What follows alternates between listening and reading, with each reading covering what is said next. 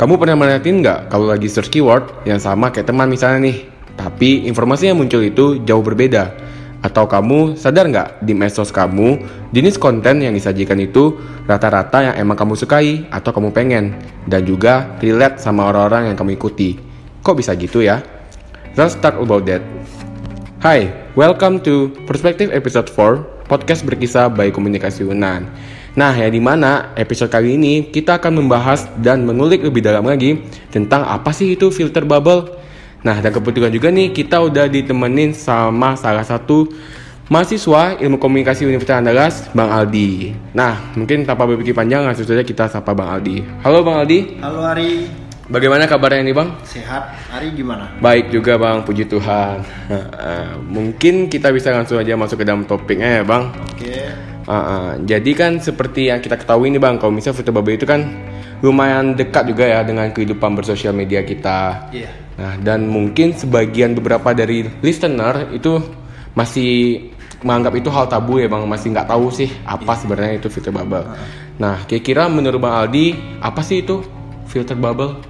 Eh, filter bubble tuh sederhananya gini ya, ketika eh, informasi itu, eh, informasi yang kita gunakan di sosmed tadi itu, itu dipersonalisasi oleh algoritma-algoritma yang dibentuk oleh eh, sosmed-sosmed itu tadi itu. Mm-mm. Itu sih sederhana ya, apa itu filter bubble gitu. Mm-mm. Jadi lebih ke uh, filter bubble ini yang dibentuk oleh algoritma ya bang? Iya. Heeh.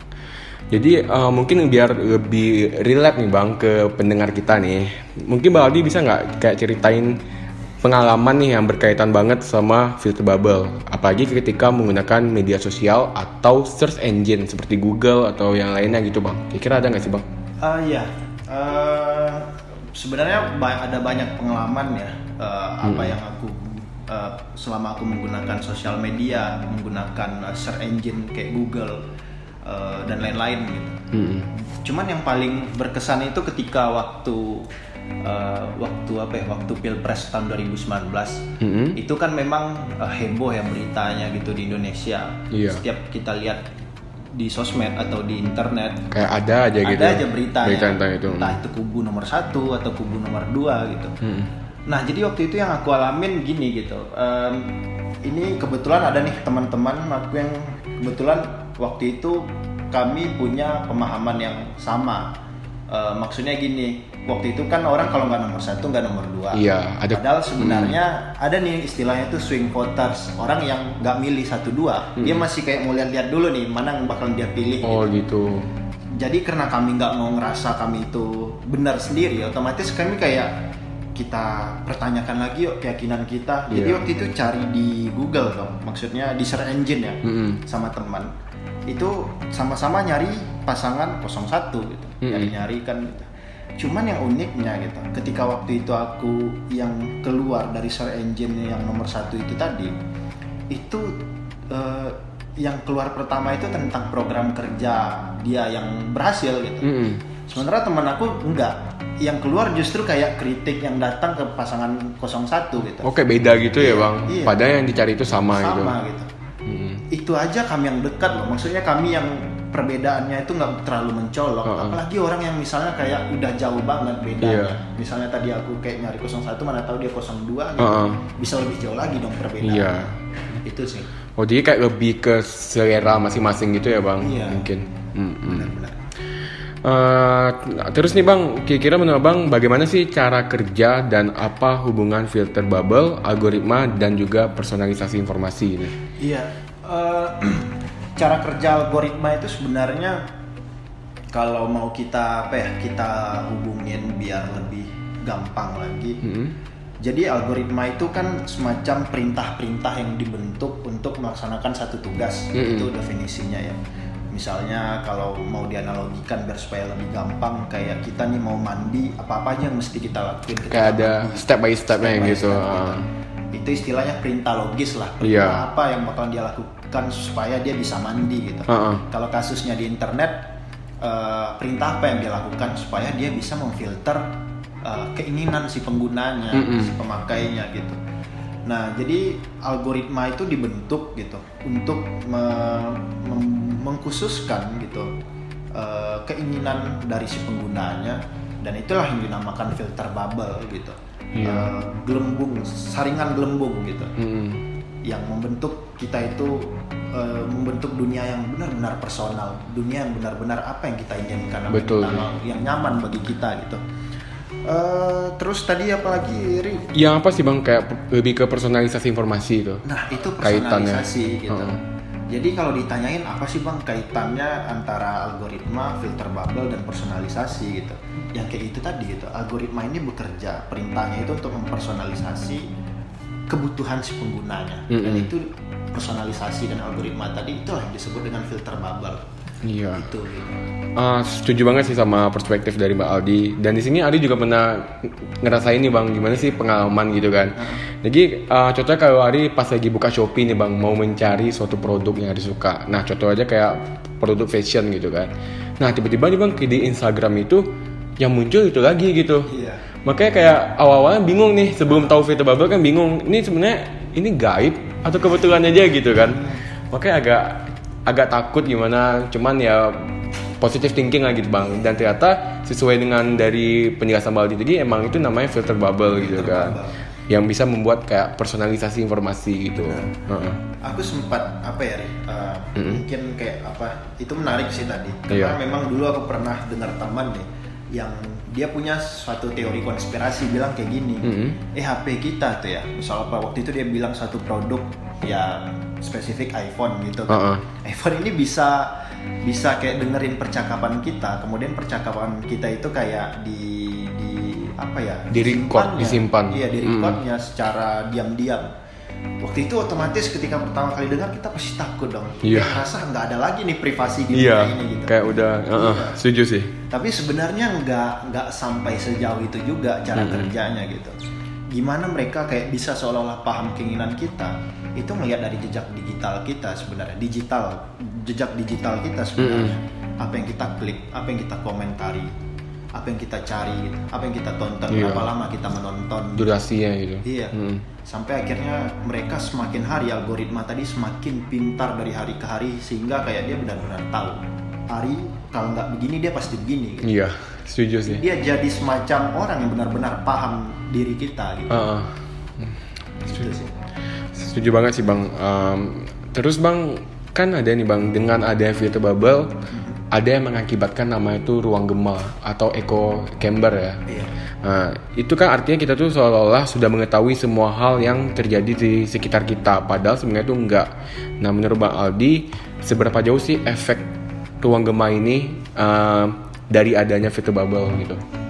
Eh, ya itu salah satu efek negatif dari filter bubble ya Mm-mm. Eh, efek dari ruang gema gitu ketika kita cuma dihadapkan dengan informasi yang kita inginkan yang kita mau gitu tapi belum tentu belum tentu kita siap terhadap informasi Mm-mm. itu tadi ya akhirnya timbul yang namanya tadi echo chamber atau ruang gema Ruang gema. bilik gema gitu seolah-olah gini eh, kenapa namanya itu ruang gema kayak analoginya itu ketika Ari misalnya ngomong di suatu ruangan sendiri gitu pasti suaranya terpantul kan Iya. Ari pikir itu sebenarnya suara orang lain padahal enggak itu suara kita aja gitu Iya. nah apa korelasinya kenapa ya dinamai dengan bilik eh, gema Gema. itu kita merasa seolah-olah apa yang kita lihat, apa yang kita dengar itu sudah membentuk realita yang nyata. Padahal Hmm. enggak.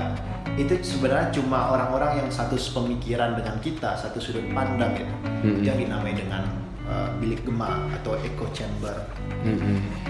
Oh, gitu ya bang. Iya sih. Eh, terus sih bang, kira-kira kan yang kayak setelah bang Aldi jelasin nih dari tadi sampai sekarang ini kan kayak kayak kita tahu nih beberapa kayak efek negatif dan positif dari uh, filter bubble ini. Nah menurut bang Aldi apa sih selain itu gitu? Kan kayaknya masih banyak nggak sih bang? Efek positif dan negatifnya. Iya gitu. Kayak dampaknya apa Iya. gitu? Biar kita lebih adil, kayaknya dari tadi kita sibuk membahas negatif. Negatifnya membahas kayak positif. kayak nggak adil gitu ya bang? Iya iya. Sebenarnya gini, kalau kita istilah filter bubble ini pertama kali itu yang ngasih taunya tuh namanya Eli Pariser. Itu seorang aktivis internet. Iya. Itu tahun 2011 dia udah bilang jauh-jauh hari filter bubble ini. sebenarnya. Oh berarti kayak udah lama gitu ya bang Udah, dia sebenarnya? acara, iya dia acara TED Talk. Oh iya pernah pernah pernah lihat juga. Iya.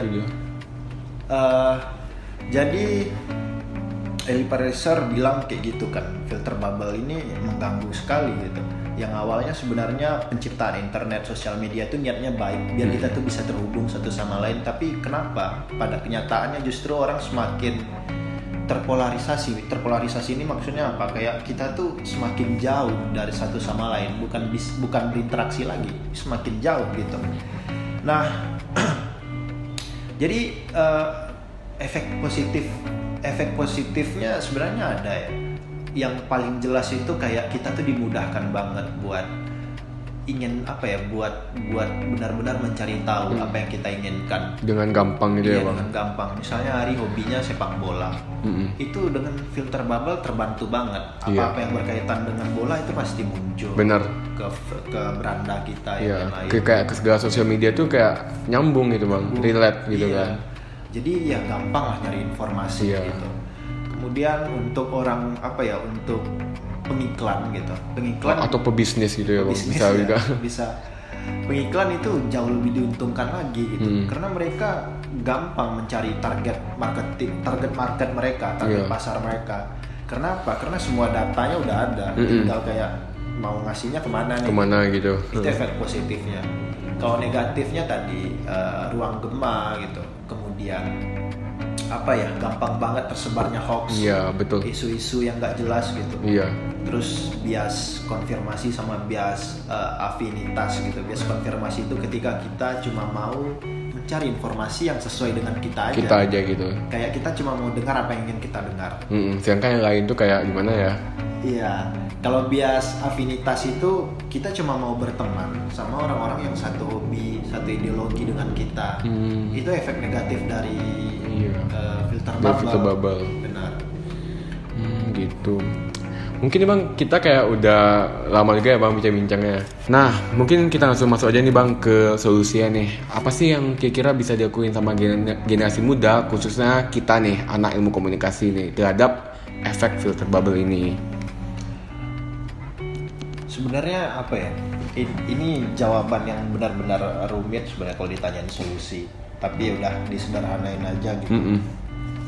Eh, solusinya gini sebenarnya kalau mau solusi yang benar-benar dari dasarnya itu yang bertanggung jawab terhadap ini sebenarnya Google, Facebook dan kawan-kawan gitu Iya.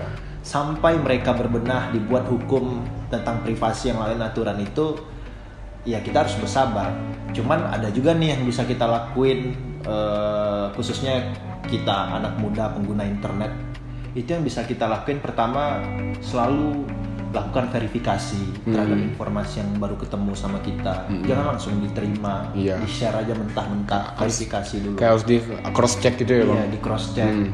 Verifikasi, cek ke sumber kredibel kayak gitu aja sebenarnya terus gitu. Iya. Se- Sebenarnya simple aja ya sih Iya. bang. Hmm. Selain itu, tanyain juga ke diri kita apakah kita selama ini cuma mau mendengar sama apa ya? Sama apakah kita selama ini coba buat mendengarkan orang lain yang berbeda pandangan dengan Mm-mm. kita gitu. Apakah kita selama ini cuma mendengarkan apa yang ingin kita dengar? Tanyain Mm-mm. itu gitu.